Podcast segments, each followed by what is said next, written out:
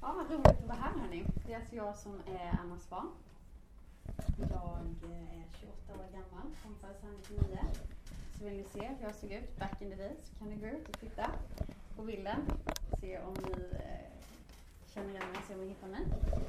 Eh, jag har bott i Lund i två år nu. Innan dess så bodde jag i Stockholm och pluggade teologi. Sen för två år sedan så fick jag ett väldigt roligt jobb. Jag är anställd av Redo som är en rörelse av studenter och skolungdomar som vill eh, följa Jesus i sin vardag och som vill att fler ska få lära känna honom. Eh, och jag har med mig här lite tidningar och lite annan information. Så om ni vill, vi kommer ha en liten paus, får ni jättegärna gå och kolla. Bland annat så finns det en intervju med en tjej som är med här på lägret där hon berättar lite om hur hon tycker det är att vara kristen på skolan. Eller om ni har någon fråga, om det är någonting som är jobbigt i er eh, skolmiljö, om ni är student eller gymnasieelev eller högstadiet. Alltså jag tycker det är jättekul att prata om de grejerna. Så. Men alltså, kristen, ett fantastiskt liv. Eller? Det var någon gång i våras som jag fick ett mejl av Martin Svensson, som ni kanske har stött på här, eller något annat sammanhang. Och då undrade han just om jag ville ha ett seminarium på det här ämnet. Och det vill jag ju och där så.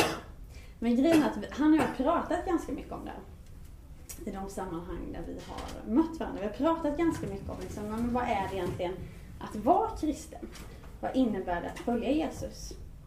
Dels så har vi båda stött på människor som kanske en gång i tiden var liksom ganska på Jesus men som kanske inte längre är så intresserade av honom. Dels så har vi mötet med ja, unga människor kanske mött en förtvivlan om man tänker, är det något fel på mitt kristna liv? Alltså vad, vad är det som händer? Och dels också från våra egna liv. Alltså de gånger man har suttit och varit förtvivlad, förstört och liksom allting i livet har varit mörkt och jobbigt och man har gråtit. Man vad, vad är detta liksom? Var är Gud? Har jag evangeliserat för lite? Har jag bett för lite? Har jag, ja sådär. Eh, så att vi ska helt enkelt försöka reda ut här i alla fall, börja reda ut här, vad är det Jesus vill? Alltså vad är det han erbjuder oss? Eh, och fortsätt gärna liksom, fundera kring det här. Fortsätt att läsa era biblar, fortsätt diskutera och att prata med, med ledare och andra kristna om vad det egentligen är Jesus så att säga erbjuder. Är det ett fantastiskt liv? Eh, och då vill jag svara på den frågan redan nu. Ja, det är det. Ja, det är ett fantastiskt liv. Jag tror det är det mest fantastiska liv man kan leva, livet tillsammans med Jesus. Men samtidigt så vill jag svara också nej på den frågan. Därför att det kanske inte alltid är fantastiskt på det sätt som man tänker att fantastiskt är. Jag känner för egen del att i min vandring med Jesus har jag liksom fått lära om lite vad det egentligen som är fantastiskt. Jag förstår att min uppfattning om vad som är fantastiskt och min idé om var man hittar lycka och var man hittar frihet kanske inte alltid eh, stämde egentligen. Eh, så att vi får lära oss. Bland annat så hade jag en idé om att livet som kristen var lite så, här som ett dataspel, att det skulle finnas lite olika levels liksom. Att man skulle kunna klättra lite så från ettan till tvåan och sen så typ på, tio, på level 10 någonting så skulle allting vara bra i livet. Alltså då skulle allting vara lätt, man skulle inte ha några problem, alltså man skulle bara glida fram. Eh, och så är det inte, har jag märkt. Det finns inte en massa olika levels. Det finns en level, level 1. Level 2 kommer komma i himlen. Och eh, där kommer allting bli gött. Men här så är det inte så att man kommer komma till ett stadium där allting blir tjolahoppsan, hej. Eh, I alla fall inte om man följer Jesus. Så det är liksom en, en level vi, vi rör oss på. Så. Och jag var på ett seminarium en gång som hette Evangeliet. De dåliga nyheterna för vår tid.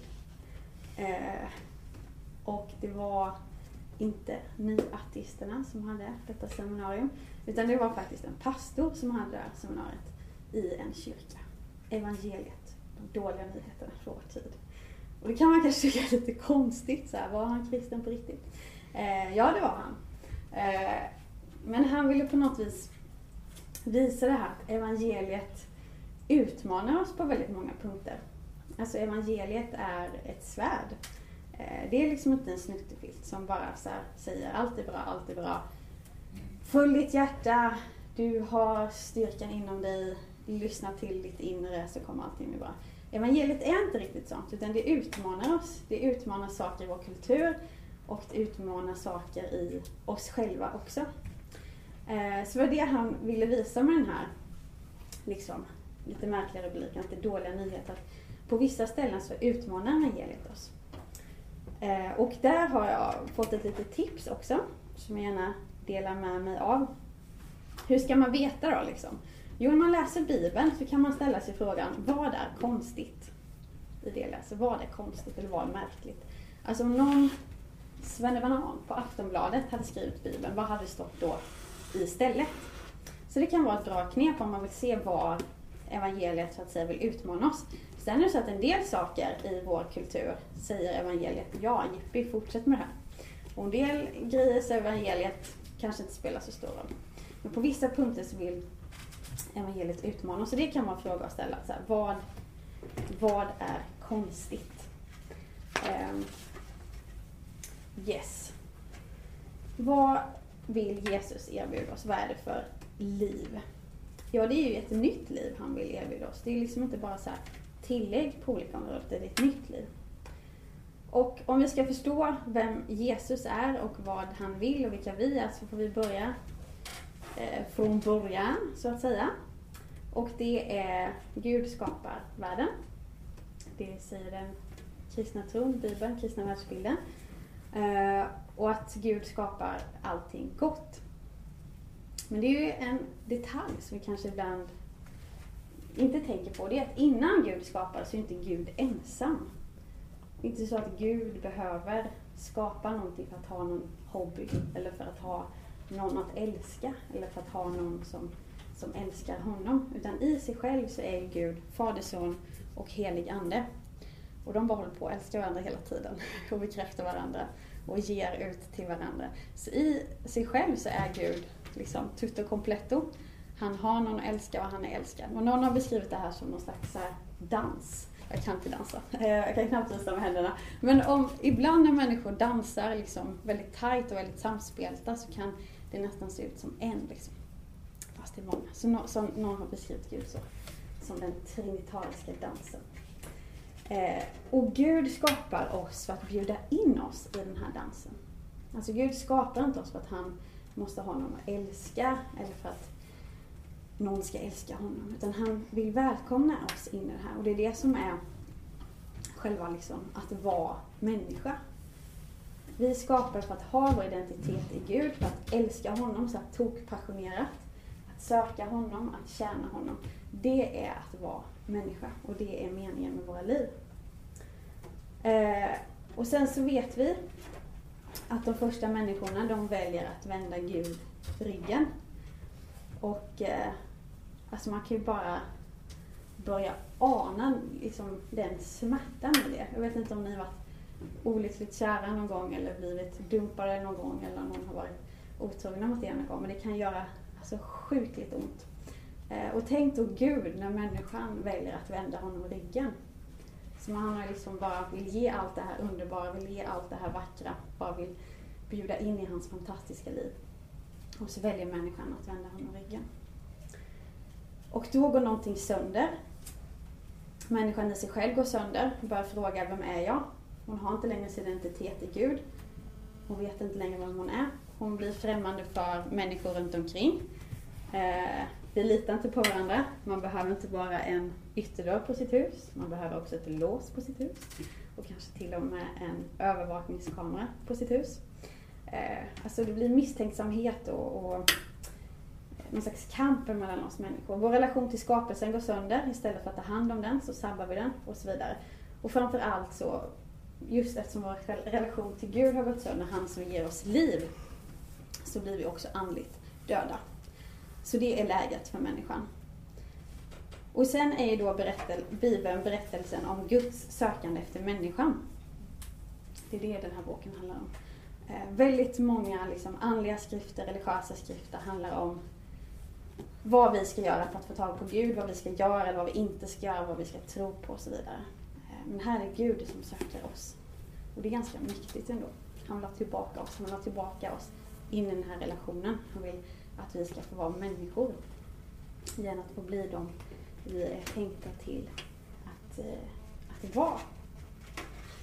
Och eh, jag tror de flesta kan hålla med om att det är, liksom, det är något fel på världen. När vi tittar på nyheterna och ser att barn svälter ihjäl och att det är krig eller att man liksom på en biosalong går in och skjuter människor så tror jag att ingen tänker på att åh men fy vad bra, vad normalt.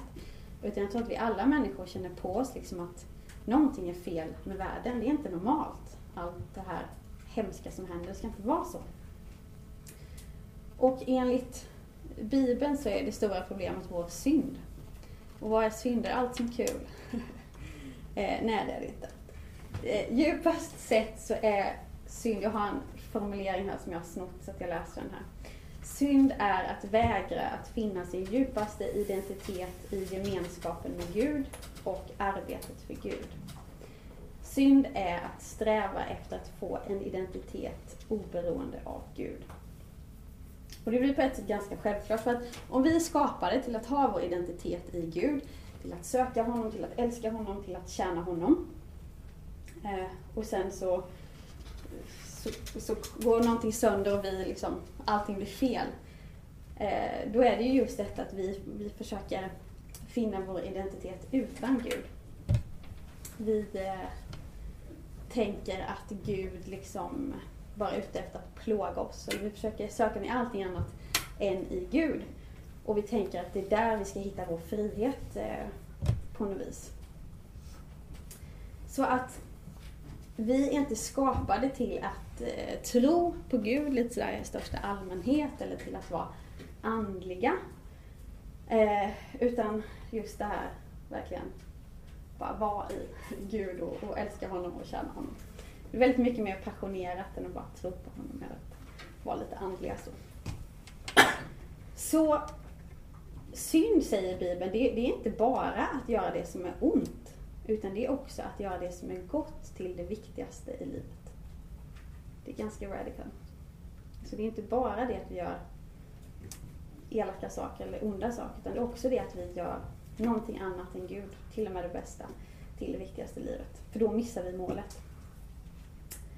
Så, och vi tror, alltså vi är ju lite så här, Ja, synden gör att vi får för oss att Gud är, är ond. Eh, att han är ute efter att eh, förstöra våra liv, att han vill ta någonting ifrån oss. Jag kan känna så jätteofta i alla fall, att man inte riktigt litar på att han är helt god när han säger någonting. Eh, att det finns något litet sådär liksom, kanske ändå ont baktanke att Gud vill ta ifrån oss. Men Bibeln säger att det är tvärtom, att det är djävulen som är sån. Att det är han som vill stjäla ifrån oss, det är han som vill ta saker ifrån oss, att det är han som vill sabba. Och Gud, han vill ge och han vill ge oss liv. Och eh, känner ni till C.S. Lewis? Han har skrivit Narnia bland annat. Smart britt, en av dem. Alla smarta kristna britter. Eh, han har sagt så här att problemet med oss människor efter syndafallet, det är inte att vi vill ha för mycket. Utan det är att vi nöjer oss med alldeles för lite. Alltså vi sitter där typ och, och dricker vatten och käkar torrt bröd och tänker bara yeah. Och så vill Gud liksom bjuda oss på Nobelmiddag. Men vi bara, nej men jag vill ha något vatten, jag vill ha något bröd. Um, ehm, om vi tänker på, eh, ja, om vi tänker på sex till exempel. Så tänker sig Gud att vi ska ha sex i en relation med en annan människa som bara, jag har väntat hela mitt liv på dig Eh, jag har liksom sagt hej då till min familj, hej då till mina vänner. Jag ska göra dig till prioritet i mitt ett. Jag ska älska dig till jag dör. Du får alla mina pengar, allt jag är, allt jag har. Dig liksom. Jag slickar trottoaren där du går. Det är liksom det sammanhanget som Gud har tänkt att vi ska ha sex i. Och så nöjer oss vi typ med att ha liksom hooka upp med någon på en toa på en fest och känner yes. Alltså Gud vill så mycket mer än vad vi tror. Gud vill ha, vill oss det allra, allra bästa. Och det är så här någon grej som vi måste kämpa med och få in i våra huvuden att Gud är god. Han vill det bästa för mig. Yes. Så att världen är trasig, våra hjärtan är trasiga. Gud söker människan. Och har man en bibel med sig så kan man slå upp Efesierbrevet kapitel 2.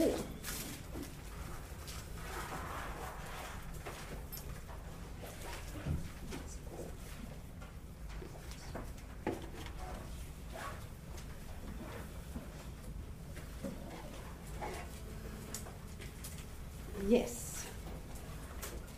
Här får vi en eh, liksom lite så sammanfattning av människans eh, läge och eh, vad Gud har gjort. Hej då. Det var som Det var bara för att du skulle lyssna. Ja, tack. Efesierbrevet kapitel 2.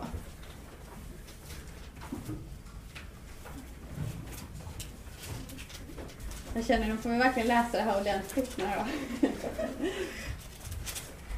Vad ett arbete med att få ut biblarna. Yes.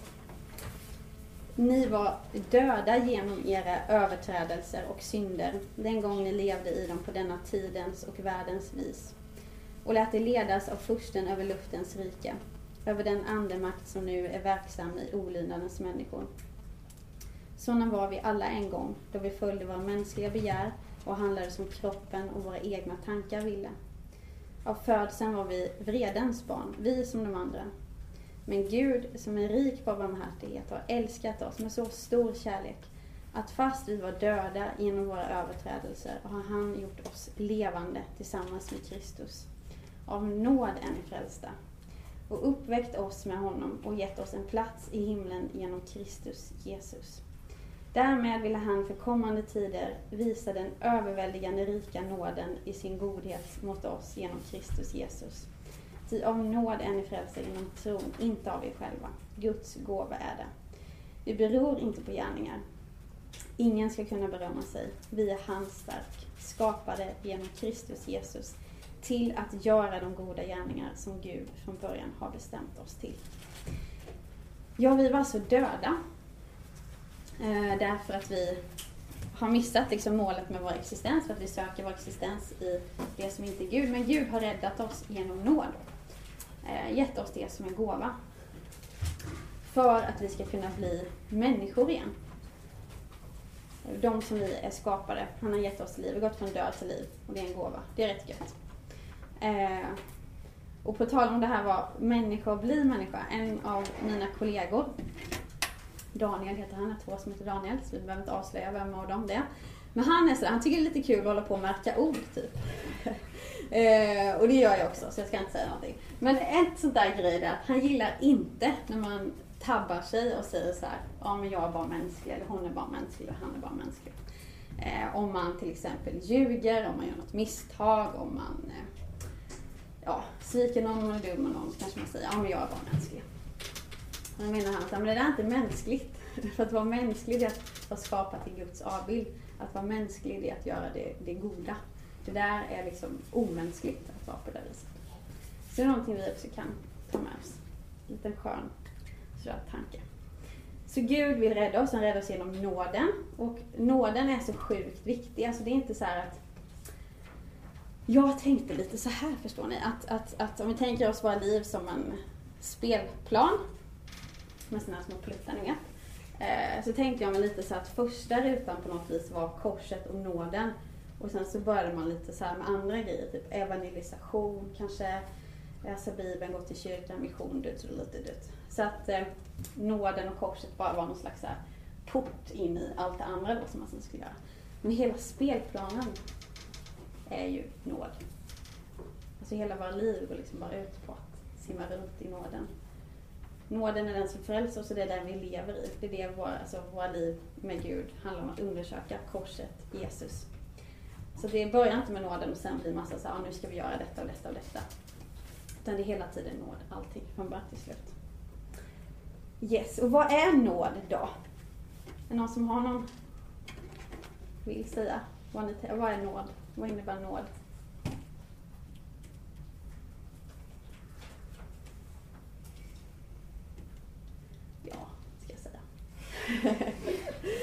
Det innebär att vi, vi blir inte accepterade av Gud på, på grund av någonting vi har gjort, utan vi blir accepterade av Gud på grund av vad Kristus har gjort. Det är nåden. Jesus han, han liksom inte bara visar oss vägen till frälsning. Gå dit, gör si, gör så. Utan han är vår frälsning. Och det kan vara lite svårt kanske. Jag kan tycka det är lite svårt att få in det här därför att det är så mycket som Känner ni igen den här tanken att man är det man gör? Alltså det är ganska vanligt. Alltså, och på så vis kan man på något vis liksom göra framgång. Man kan eh, göra, tjäna massa pengar. Man kan göra bra betyg. Eh, man kan göra goda gärningar. Om vi skulle köra en liten så här, fråga folk här i Örkelljunga, vad, vad tänker du att den kristna tron handlar om? Så är det nog en del som skulle ta med sig det här tänket också in i den kristna tron och tänka att den kristna tron, det handlar om vad man gör. Att det handlar om att göra kanske fina moraliska saker, att hjälpa de fattiga. Eller att det handlar om att göra massa fina religiösa saker, som att be och så vidare. De tänker kanske att det är det här som gör att en person blir kristen. Men den kristna tron säger inte, det är inte du är vad du gör. Utan den kristna tron är snarare att vi litar på det som Kristus har gjort. Vi litar på det som Kristus har gjort. Och det är nåden. Och han har dött på ett kors för att betala priset för vår skit, helt enkelt. För uppror, vårt uppror mot Gud. Ehm, så ett ganska fantastiskt erbjudande vi får av Jesus. Han erbjuder oss att få gå från död till liv. Han erbjuder oss att få bli hela som människor. Att få komma in i det som är vår identitet, att få komma in i den här liksom, uppstansen, relationen och verkligen få här, landa och bli hela. Eh, och ja, jag tror vi har att vi tar fem minuter redan nu faktiskt. Så, då eh, kör vi igång igen. Jag fick en eh, bra kommentar här, det här med vad är det att vara mänskligt och inte mänskligt. Alltså, eh, det är ju alltså grunddesignen med människan innan syndafallet. Nu är vi ju förstörda av synden, så att det här med att det är inte mänskligt, det är inte mänskligt. Alltså på ett sätt är det mänskligt att göra dumma saker, alltså mänsklighet efter syndafallet, men så som Gud har tänkt människan. Så, bara, ja. Eh, så vi var inne på det här med att Jesus ger oss ett fantastiskt erbjudande. Att rädda oss av nåd. Men, men, men. Alltså samtidigt så är han, eh, samtidigt så är Jesus lite krävande. Därför att han nöjer sig på något vis inte med att vi bara eh, liksom skriver under på en massa påståenden. Inte ens liksom, de allra mest sanna nöjer sig på något vis inte med att vi bara säger att köper det här med att ja, Gud har skapat världen, världen är fallen och Jesus eh, är vår frälsare. Utan han vill ju ha ett personligt svar av oss. Precis som ju eh, Puls, liksom titeln är i år, för mig. Alltså jag tänker, Jesus skickar inte ut något så här, liksom lite allmänt eh, fråga i rymden, följ mig.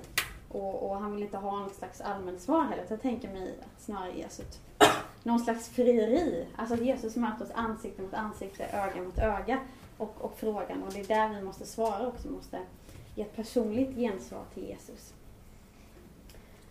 Um, och det är ett obegränsat erbjudande till oss. Han ger att följa honom. Men samtidigt så, så innehåller det ja, ändå någon slags krav, kanske man ändå kan säga. Därför att Jesus, han är inte nöjd med uh, att vi följer honom lite halvdant. Han är inte nöjd med att vi bara har honom som vår liksom, number one hobby eh, han är inte nöjd med att vara russinet i kakan eller liksom strösslet på cupcaken. Eh, vad det nu är. För han vill vara han vill vara mot allt. Han vill ta tillbaka oss in i den här relationen med Gud. Och återigen C.S. Lewis, han har eh, beskrivit det så här. Att eh, du förstår, Jesus säger ge mig allt. Jag vill inte bara ha si eller så mycket av dina pengar eller av ditt arbete så att ditt naturliga jag kan få resten. Jag vill ha dig. Inte dina ägodelar. Jag har inte kommit för att plåga ditt naturliga jag. Jag vill istället ge dig ett nytt jag. Överlämna hela ditt naturliga jag åt mig, alla dina önskningar. Inte bara de du anser vara onda, utan också de du anser vara oskyldiga. Hela rasket. Jag vill ha dig. Och det ser vi på vad Jesus säger så är det här en väldigt bra sammanfattning. Jesus vill ha rasket. Han vill ge oss ett nytt liv. Eh, och vi kan väl se lite hur det kunde gå till när Jesus eh, mötte människor när han gick här på jorden. Lukas 9, 57 till 62.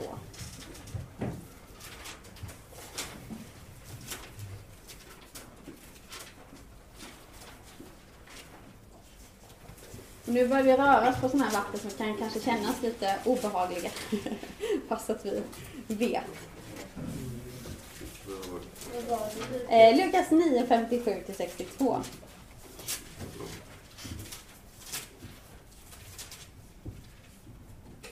Och eh, i min bibel här så har jag fått rubriken att följa Jesus. När de kom vandrande på vägen sa en man till honom jag ska följa dig vart du än går.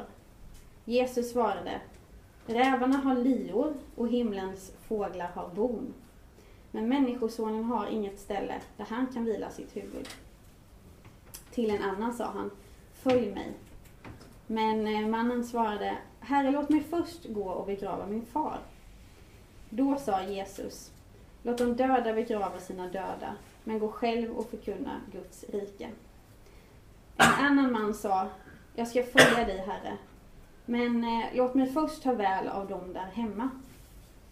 Jesus svarade, den som ser sig om när han har satt sin hand till plogen, han passar inte för Guds rike.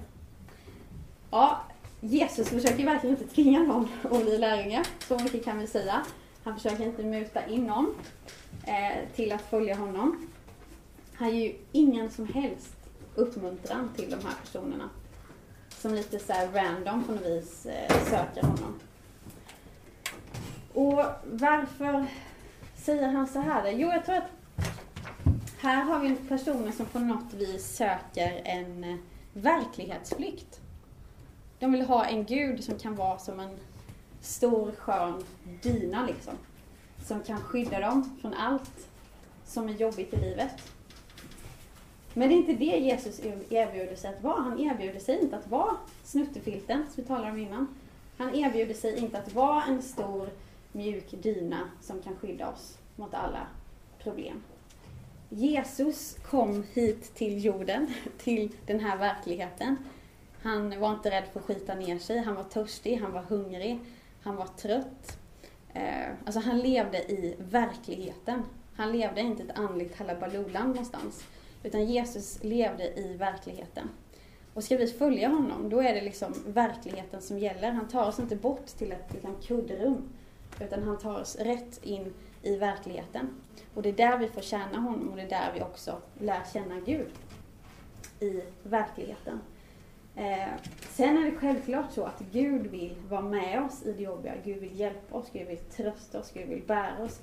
Men hans tanke är inte att han ska plocka bort oss från våra liv. Vi har eh, liknelsen om de här Bygg inte hus på en sandig strand, bygg inte hus på grus. Kan ni sången? En sång som handlar om två eh, hus.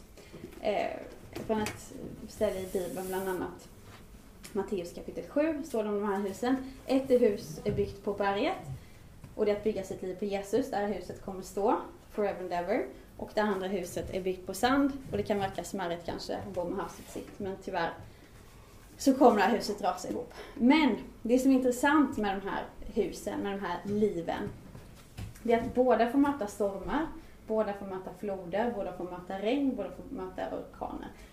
Så att följa Jesus det innebär inte att vi blir på något vis immuna mot eh, liksom, det hårda, jobbiga i livet. Men det innebär att vi har Jesus med oss. Men han tar oss inte till kuddrummet, så att säga. Han, han, han vill inte vara någon slags dyna i en låtsasvärld. Eh, utan han kräver ett väldigt totalt engagemang. Han kräver ett väldigt medvetet engagemang. Eh, vi kan läsa Markus 8, 34 till 38.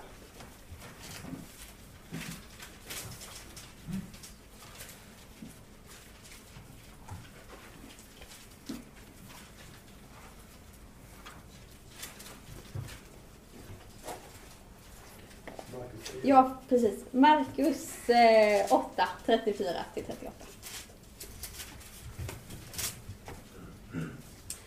Och i min bibel har det överskriften lärjungaskapets krav. Vilket ord va? Krav. Det är inget som jag sådär som jag gärna vill ha. Eh, så här står det. Sen kallade han till sig både lärjungarna och folket och sa om någon vill gå i mina spår måste han förneka sig själv och ta sitt kors och följa mig. Till den som vill rädda sitt liv ska mista det. Men den som mister sitt liv för min och evangeliets skull, han ska rädda det. Vad hjälper det en människa att vinna hela världen om hon får betala med sitt liv? Med vad ska hon köpa tillbaka sitt liv? Den som skäms för mig och mina ord i detta trolösa och syndiga släkte, honom ska också Människosonen skämmas för när han kommer i sin faders härlighet med de heliga änglarna. Yes!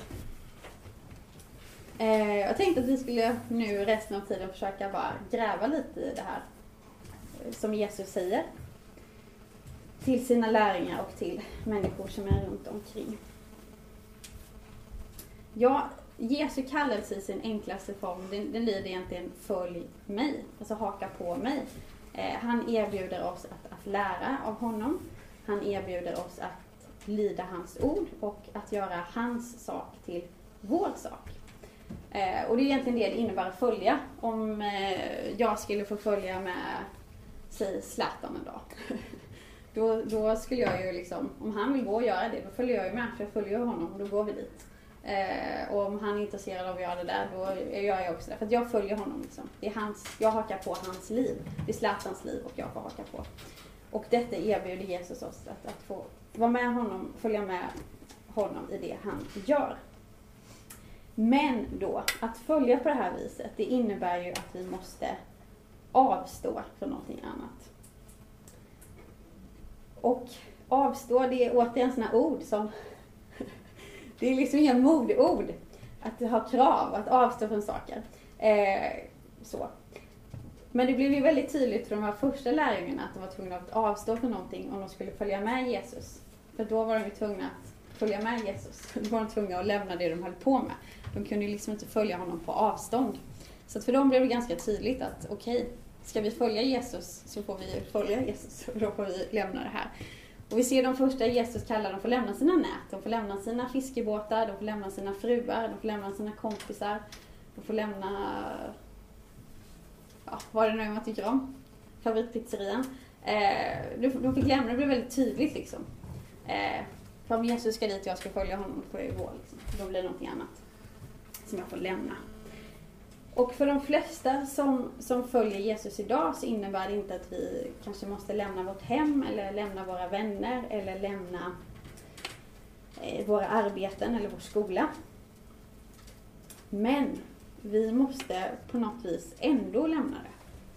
Alltså vi måste i vårt inre lämna det. Om vi tänker oss någon slags eh, topplista i våra hjärtan så måste vi liksom putta ner de här sakerna från första platsen och istället ha Jesus där, att vi ska följa honom. Eller jag tänker kanske lite så som glasögon, att istället för att kolla på livet genom karriärsglasögonen, att, att allting jag gör, allting jag väljer, gör jag utifrån att jag vill ha en sjukt lyckad karriär. Att liksom ta av sig de glasögonen och sätta på sig Jesusglasögonen. Och att liksom nu kör vi på det Jesus vill. Och det som är viktigt för honom och det han gör. Och så vidare. Så det innebär att lämna någonting, att följa Jesus. Och eh, vad måste vi lämna då? Ja, en sak som vi måste avstå ifrån om vi följer Jesus, det är synden. Um, och det handlar inte om att bli en perfekt människa. Utan det handlar om att, eh, alltså en förändrad inställning till synden, att vilja lämna synden. Och här vill ju såklart Jesus hjälpa oss om och om igen. Men att helt enkelt säga nej till synden, liksom tacka för den här tiden. Eh, och säga nej. Eh, och för det andra så måste vi uppge egot. Eh, det handlar ju inte, någon beskrev synden som att vara sjuk med mässling. Alltså, det kan visa sig som röda prickar på vår kropp, men det är inte det som är problemet egentligen. Utan det är ju själva mässlingen, ett virus. Ja, det är det som är problemet. Det är det man måste bli av med. Och de här liksom enskilda handlingarna vi gör som kan vara fel, det är de här liksom röda prickarna. De ska vi säga nej till, men det hjälper ju inte om vi bara säger nej till dem om vi inte går till liksom, roten på problemet. Och det är ju vår bortvändhet från Gud. Eh, så att det handlar om att överlämna rätten över våra egna liv till Gud. Att överlämna rätten över våra egna liv till, till Gud. Att liksom, om vi tänker oss att vi har en liten tron inne i våra hjärtan där vi sitter på en stor fet guldtron, kanske har någon tjusig krona och en sån här härlig mantel och sån här schysst svartvit päls och en liten checkspira. Att ta av sig kronan, ta av sig manteln, lägga ner spiran, hoppa ner från tronen och istället överlämna allt till Jesus. Och säga varsågod, kronan är din, manteln är din, spiran är din, tronen är din, nu är du min kung. Det är att, att överlämna rätten över våra egna liv till honom. Och vad gör en kung? Ja, en kung är den som bestämmer över ett land. En kung eh, skapar lagar, gör ut riktlinjer. Och har man en dålig kung så kan det bli väldigt jobbigt om man har en kung som är Eh, självisk, om man har en kung som bara vill kriga hela tiden, om man har en kung som eh, liksom inte är så smart, som inte kan tänka långt. Eh, det är gött om man kan ha en god kung. Och att ha Jesus som kung i sitt liv, det är att ha en god kung i sitt liv. Man kan inte ha en bättre kung. Att ha Jesus som kung i sitt liv är mycket bättre än att ha sig själv som kung. Bästa kung man kan ha. Han har bara ditt bästa som intresse och andras bästa som intresse. Om någon vill följa mig måste han förneka sig själv. Och att förneka sig själv, det handlar inte om att neka sig olika saker, typ att jag ska inte äta godis på en vecka. Eller jag ska inte kolla på OS. Eh, utan det är återigen att säga ja till Jesus och säga nej till sig själv. Att inte längre ha sig själv som den viktigaste personen i sitt liv. Utan att ha Jesus som den viktigaste personen i sitt liv. Att leva för hans sak. Och vi gör det ju hela tiden eh, i liksom vanliga kärleksrelationer, vänskapsrelationer eller romantiska relationer. Om vi verkligen älskar någon då är det inte så jobbigt att leva för den människans sak. Istället för vår sak.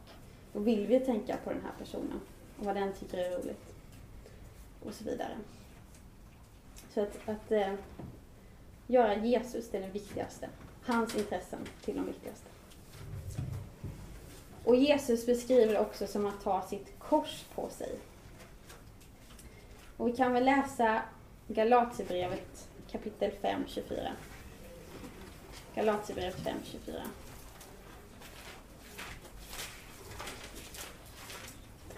Eh, och här talar ju då Jesus inte om att vi alla måste ha ett kors runt halsen. Eh, det är inte ett sånt kors han tänker på. Även om det kan vara vackert. Är det någon som vill läsa förresten? Galaterbrevet 5, 24.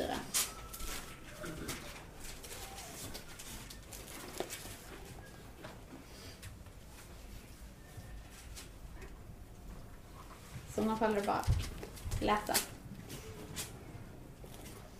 Jag kan läsa. Yes. Det som tillhör Kristus Jesus har kors, korsfäst sitt kött med dess lidelser och begär. Yes, du kan få fortsätta. Om vi har liv genom anden, låt oss då även följa anden. Låt oss inte söka tom ära, utan utmana varandra och inte avundas varandra. Tack. Ja, det handlar om att korsfästa liksom eh, det gamla. Det som inte är eh, från Gud. Och det här som Jesus talar om, eh, det är inte någonting vi gör en gång. Och sen, utan det är någonting vi måste göra varje dag. Och eh, många gånger om dagen.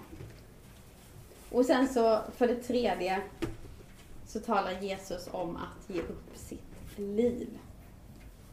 Den som mister sitt liv ska vinna det. Och återigen, här, här pratar Jesus inte om våra biologiska liv eller vår själ, utan vårt jag är där vi tänker, där vi planerar, där vi känner, där vi väljer. Så Jesus säger att att mista sitt liv det är att lägga sin egen vilja under hans vilja. Så har ni hela listan Jesus ger oss. Eh, förneka sig själv, korsfästa sig själv, mista sig själv. Och det här ger oss lite ledtrådar om vad det är Jesus erbjuder oss och ledtrådar om vad han erbjuder sig att vara i våra liv. Och jag tycker det är ganska tydligt här att han erbjuder sig inte att bli vårt fredagsmys. Han erbjuder sig inte att bli, bli vår favorithobby. Han erbjuder sig inte att bli den här härliga dynan. Och han erbjuder sig inte att, att bli en snuttefilt. Alltså vad är det han erbjuder sig att bli egentligen? Han säger så här. Han erbjuder sig att bli vår Herre. Det är det han erbjuder sig. Han erbjuder sig att bli vår Herre. Han erbjuder sig att bli vår kung. Världens bästa kung. Världens bästa Herre. Vet ni hur den tidigaste kända kristna trosbekännelsen, hur den var? Lät. Det var tre ord. Jesus är Herren. Och eh, det är väl lite risky business att ha en sån här trosbekännelse på den tiden. För de levde i romarriket och där skulle man bekänna att, att Caesar är Herren. Och sa man inte det, då gick det inte så bra alla gånger. Men de, de bekände Jesus är Herren. Och eh, de blev fängslade, de blev förföljda, en del blev dödade för den här bekännelsen. Och en sak som innebär att ha Jesus som Herre, att följa honom, det är att vi kan förvänta oss när vi följer honom att få liksom, del av, av det som han fick ta del av. Vi får ta del av en relation med Gud, vi får ha Gud som vår far, vi får bli Guds barn, vi får ha Gud som pappa Gud, vi får lära känna honom. Men Jesus fick också möta en hel del annat. Han, han led, han blev övergiven, han var fattig, han fick ta massa kritik, han blev hånad. Han utförde de lägsta uppgifterna i samhället som ingen ville göra. Han umgicks med de som ingen annan ville vara med. Han älskade liksom. Och när Jesus de, gjorde de här grejerna, när han, han hänger på korset så är det ingen som bara Woho! Vad bra liksom. Eh, utan han gjorde det här ändå utan att få applåder, utan att någon sa åh, titta vad bra. Så det är också en del av att följa Jesus, att, att dela hans liv. Och han är med oss hela tiden. Han har gått före. Han, har, han vet hur det är. Han förstår. Vi får, får vandra i det här tillsammans med honom. Och att göra Jesus till sin Herre, vad innebär det? Ja, det innebär ju att, att ställa sitt liv under hans kontroll. Och han är intresserad av, som, som Louis skrev, rubbet allt i våra liv. Och man kanske ska liksom så vem är Jesus egentligen som säger det här? Ska vi, ska vi överhuvudtaget bry oss om det här som Jesus säger? Ja, om Jesus är en god människa, om Jesus är en morallärare, då, då tycker jag så att vi kan plocka vissa grejer som han säger som är bra. Men där vi tycker att vi vet bättre så behöver vi faktiskt inte lyssna kan vi tänka att ja, men här vet jag bättre själv. Du levde ändå för 2000 år sedan. Liksom, så att, okej, det här är bra, men det här behöver jag inte lyssna på. Om Jesus är en profet, då är det kanske läge att vörda honom. Det är läge att visa honom respekt. Men vi behöver ju inte tro att han liksom är den enda vägen till Gud. Och att han är vår frälsning och att han är vårt hopp. Men om Jesus är den som han själv säger att han är. Han säger att han är Gud. Han säger att det är den levande guden. Gudsonen i mänsklig form. Men då blir det helt plötsligt ganska vettigt att lyssna på vad han har att säga. Om han är Gud. Då blir det plötsligt ganska vettigt att, att göra honom till centrum i sitt liv. Och vad ville han då? Ja, om vi tänker att Jesus kom till jorden för att ge oss liksom lite så moraliska tips och råd. Då kan man ju faktiskt tänka så här, att, ja, vet du vad, jag är moralisk nog. Jag behöver inte några tips och råd. Och om vi tänker att Jesus kom hit för att bota människor, han botade väldigt många sjuka. Och det är många av oss som kan tänka, ja, jag blir lite förkyld, lite så, nu och då, men jag käkar vitlök, så att, nej, jag behöver inte dig Jesus. Men om Jesus uppdrag gick ut på det som han själv sa att det gick ut på, nämligen att dö. Det sa Jesus, det är mitt uppdrag. Jag har kommit hit för att dö. Han har kommit hit för att dö för oss, för mig, för vår synd. Då blir helt plötsligt alla av oss berörda av hans uppdrag. Därför att vi behöver alla förlåtelse. Så det är rätt viktigt att vi får koll på vem Jesus är, så att vi kan relatera till honom. För det kan ju kännas som liksom, så här, den sjukaste förlust att bara hoppa ner från sin tron och ge över den till någon annan. Vad är det liksom? Det kan ju kännas som att Jesus bara är ute efter att förtrycka oss.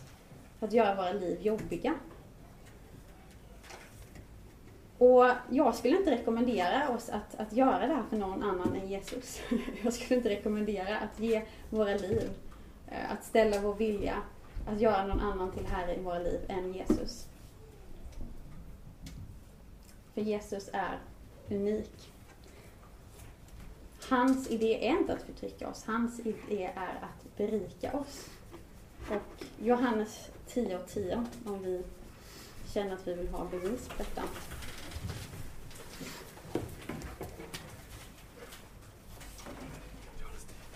Johannes 10 och 10.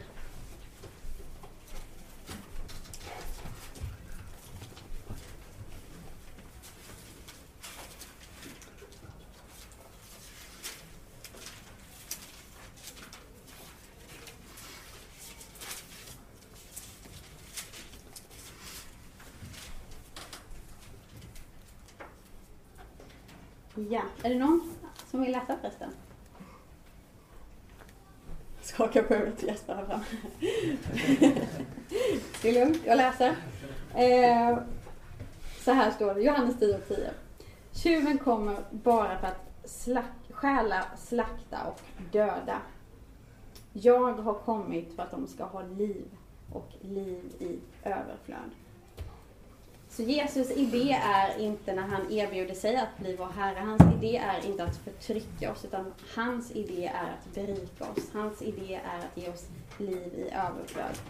Och sanningen är ju faktiskt den att lever vi inte för Jesus så lever vi för någonting annat.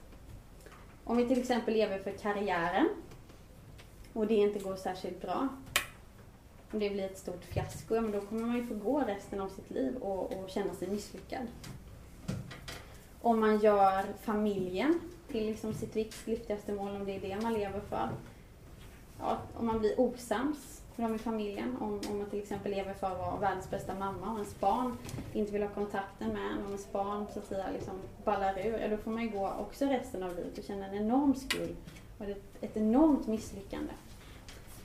Men om vi lever för Jesus, om vi har Jesus som Herre i våra liv, om vi har honom som centrum i våra liv och vi sviker honom, så förlåter han oss. Fantastiskt. Och Jesus är den enda som, som du kan leva för, den enda som jag kan leva för, som har dött för oss. Alltså i sitt sista andetag så tänkte han på dig. När han gick till korset, han tänkte på dig, när han hängde på korset, han tänkte på dig. Och honom kan du få leva för. Tycker ni det låter som förtryck? Och då kanske man kan tänka, ja men om jag lever för min karriär och det går sjukt bra då? Behöver jag Jesus då? Ja, jag tänker så här att om det är sant att Gud har skapat oss, då kan per definition liksom egentligen inte någonting annat än Gud fylla våra hjärtan, fylla våra liv. Inte ens liksom den fetaste karriär eller den mest kärleksfulla familj kan eh, ge den mening, den trygghet, den bekräftelse som, som Gud kan göra. Även liksom Zlatan behöver Jesus. Så.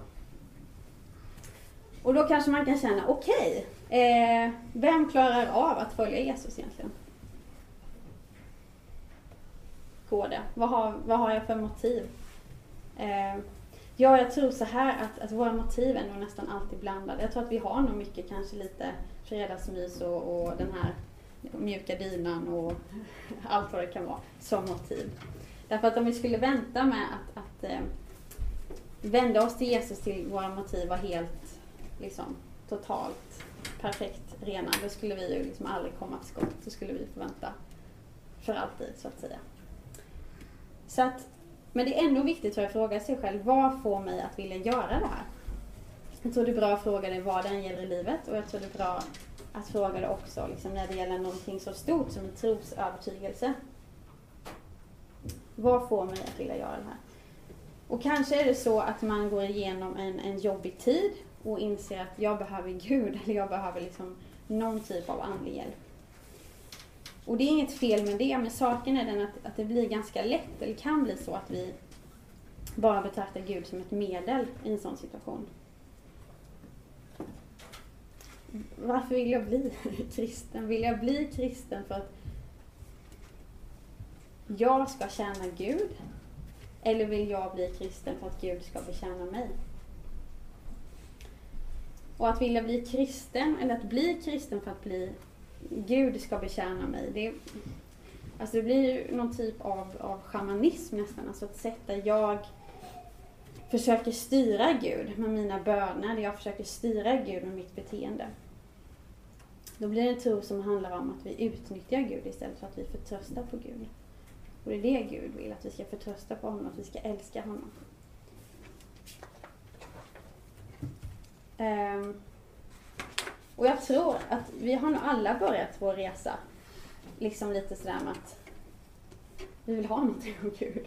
Jag har börjat så. Och därför har jag också blivit väldigt upprörd på Gud när han inte har varit den här mjuka dynan. För jag tänkte att det var det han skulle vara för mig. Eh, men sen har jag insett att han vill ge mig någonting bättre, så att säga. För när vi inser den kärlek Gud har, inte bara till människor i största allmänhet utan också till mig. När vi inser att han har dött för mig, att han vet, jag vet hur den jag är, Gud vet hur den jag är. När jag inser att han, han vill dö för mig liksom. Fast jag är en skruttapa liksom. Då är det svårt att motstå den kärleken. Vi får en liten glimt av Guds kärlek för oss. Det är svårt att motstå, när vi förstår allt vad han har gjort för oss. Då blir det liksom inte jobbigt att, att älska honom tillbaka. Då är det så här, okej okay, vad kan jag göra för dig? Men om du har älskat mig så, Jesus vad kan jag göra för dig? Så får vi bara liksom en liten glimt av, av kärleken på korset så blir det svårt att, att stöta bort den kärleken. Vi, vi följer inte Jesus för att bli frälsta utan för att han har räddat oss. Det är det som är det goda. Han har räddat oss. Och hur kan man liksom motstå den kärleken? Så det är lätt hänt, tar vi igen, att man kanske börjar sin vandringen och funderar på hmm, vad behöver jag göra för att få det där av Gud? Eller vad behöver jag göra för att få det där av Gud? Eh. Men jag har en bättre fråga. Och det är frågan, vad behöver jag göra för att få honom? Vad behöver jag göra för att få honom? Det är den typen av, av relation Gud vill ha med oss. Och det är liksom så när man blir kär. Då blir man ju, tänker man inte, åh vad kan jag göra för att den här människan ska liksom eh, tjäna mig? Utan då blir man såhär, vad kan jag göra för att få nära den här människan? Vad kan jag göra för att föra den här människans röst? Och man kanske hittar på på de ena och de andra storiesarna bara för att få vara i samma rum som den här personen. Alltså vad behöver jag göra för att få, få Gud? Det är kärleken. Och jag tror att det är viktigt att, att vi har den här inställningen. För att jag tror att det är på något vis med den inställningen som vi verkligen kan få tag på, på Gud.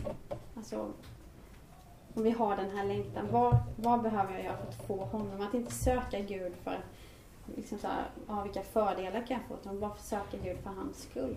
För den han är. Han är den som har skapat universum och bara det, liksom när den poletten trillar ner så är det såhär, okej okay, jag skyller honom allt. Han har gett mig livet, han har gett mig allt liksom. Och inte bara det att, att han har skapat mig, utan han har också dött för mig. Han har dött för mig. Det är ja, väldigt svårt att, att, att stå emot i kärleken och väldigt svårt att, att känna att man inte skulle vilja haka på liksom. Så, nåden, är vi tillbaka till nu här igen. Vi blir räddade genom det Jesus har gjort för oss på korset. Och vet ni, just nåden kan faktiskt hjälpa oss i livet när det är jobbigt och när vi har svårigheter. Därför att den moralistiska religionen, alltså egentligen någon slags karmatanke, what goes around comes around. Eh, som säger att om jag gör det här eller inte gör det där eller lever si och så, så kan jag bli frälst. Eh, I en sån religion, då, då tänker man ju att, att Gud har skyldighet att visa mig respekt. Gud har skyldighet att ge mig stöd om jag lever ärligt, om jag lever uppriktigt. För man tänker att man förtjänar ett bra liv, man lever ju så bra. Man lever så mycket bättre än alla andra. Och då om livet blir jobbigt, då, då kommer man känna att ja, man kommer bli väldigt arg på Gud. Och tänka, vad håller du på med liksom? Varför har jag inte bättre liv än så här? Jag är ju så mycket bättre än alla andra, vad är detta? Eller så kommer man vara väldigt arg på sig själv och tänka, vad har jag gjort för fel för att förtjäna det här? Men Jesus och evangeliet kan hjälpa oss att, att slippa den här spiralen av bitterhet. Därför att vi vet att hela tanken på liksom goes around comes around, att den inte stämmer. Vi vet att hela tanken på det går oss väl om vi lever fina liv, goda liv, är fel. Det är inte så. Och hur vet vi det? Ja, Jesus. Han var den mest moralistiskt perfekta människan som någonsin har levt. Och ändå, som vi har sett, fick han uppleva fattigdom, förkastelse, orättvisa och tortyr. Så det är ganska gött tycker jag med nåd att landa i det att Gud är liksom inte skyldig mig någonting. Jag behöver inte få panik och tänka att nu gör jag någonting fel när det går dåligt. Och Gud har ju hela tiden vår frälsning som, som mål. Vi kanske har som livsmål ibland att ha kul. Men det är inte det Gud har som vårt yttersta mål, för oss, att vi ska ha kul. Den hans mål för oss är att vi ska bli räddade, att vi ska få liv. Eh, och därför kanske han ibland agerar lite annorlunda än vad vi tänker. Och ibland så kanske vi måste lära oss att gå och få lite skrapsår på knäna. Men Gud är ju där som världens bästa pappa. Eh, så. Så att det finns en hemlighet som jag hoppas att, att ni har upptäckt, eller som jag hoppas att ni får upptäcka, nämligen att sann självförnekelse är sann självupptäckt. Det är lite så här märklig paradox. Att det är när vi verkligen vill förlora oss i tjänst för Jesus och verkligen vill förlora oss i tjänst för andra människor, det är då vi finner oss själva.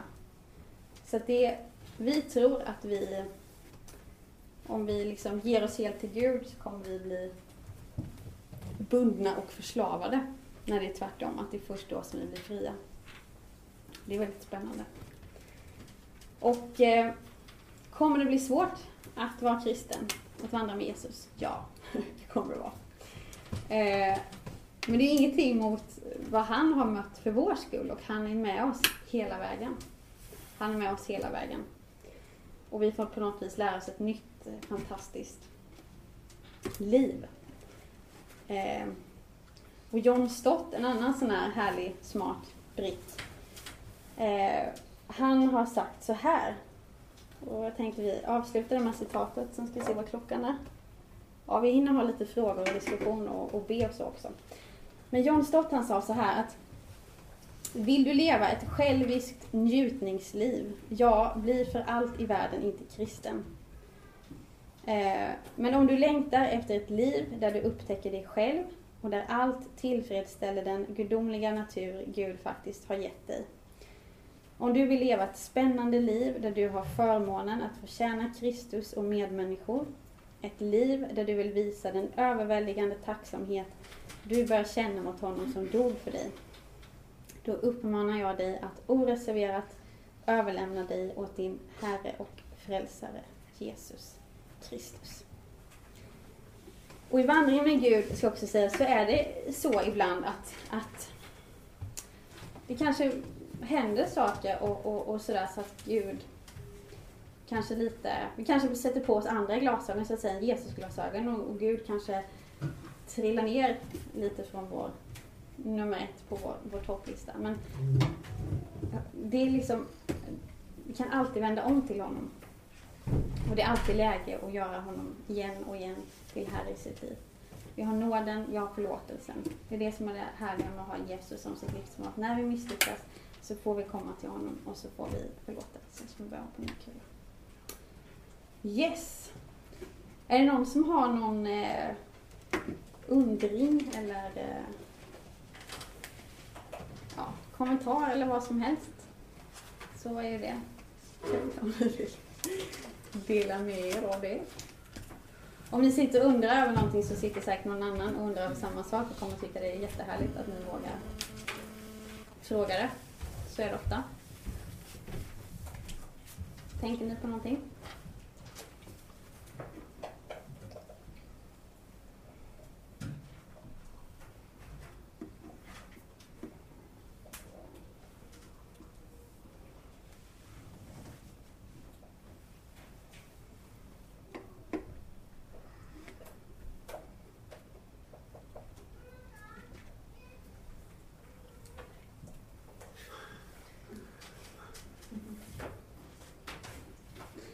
Men vi avslutar med en eh, bön. Och eh, det är en hel del tid kvar faktiskt fram till era smågruppssamlingar. Så att, eh, ta jättegärna som sagt en tidning och fråga mig. Eh, ifrågasätt mig. Stånga mig, gör. Nej, men eh, känn er fria verkligen att eh, prata vidare om det här. Jag kan säga en kommentar bara. Yes. Det var skönt att höra det här med att ja, men ett kristet liv är inte fantastiskt på det sättet. Utan det är helt normalt att det inte är guld. Ja, precis. Ja, det är ändå skönt. Ja. Man liksom inte vara arg på Gud för att det är så. Utan, Nej, istället så är det att vi vara sjukt glada att han är med oss och att han har liksom lovat att ge oss stöd så att vi ska ta oss igenom liksom. Men det är ju inte så lätt heller Nej, alltså så att förneka sig själv och alltid sätta Gud högst och tjäna honom och så. nej. Men eh, det får man ju kämpa med. Precis, och det är ju en, eh, tänker jag, resa genom hela livet. Alltså jag, som jag pratade om det här, jag trodde att jag skulle komma till något stadium där allting bara yes, jag hade ordnat allting. Och eh, det är ju hela tiden liksom fram till dagen vi dör så kommer det här vara någonting vi får jobba med. Och det är också normalt. Eh, för Gud har inte bråttom. Gud kan vara, liksom, som vi kan tycka, kanske seg. Eh, oftast tycker man att Gud är seg. Det är sällan jag tycker att Gud, oj vad du har bråttom. Eh, och vi får liksom, och vi får, det är därför vi har varandra i församlingen, tänker jag också. Vi får hjälpa varandra, stötta varandra i det här. Vi har Bibeln också, vi får påminnas om vad det innebär. Men vi behöver verkligen varandra. Vi, har, vi är del av en kropp och vi får stötta varandra, stödja varandra. Och jag vill verkligen uppmuntra er till också att, att prata om de här grejerna liksom. Och säga det till Gud att ah, nu tycker jag det är jobbigt liksom. Tycker jag, uh. Det får man göra liksom. Han kan ta det. Eh, så att vara ärlig mot sig själv tror jag också är jätteviktigt. Vad man känner, man känner att blä. Så att vara ärlig mot sig själv, vara ärlig mot, mot Gud och vara ärlig mot sina vänner. Nu känner jag så här. Eh, så.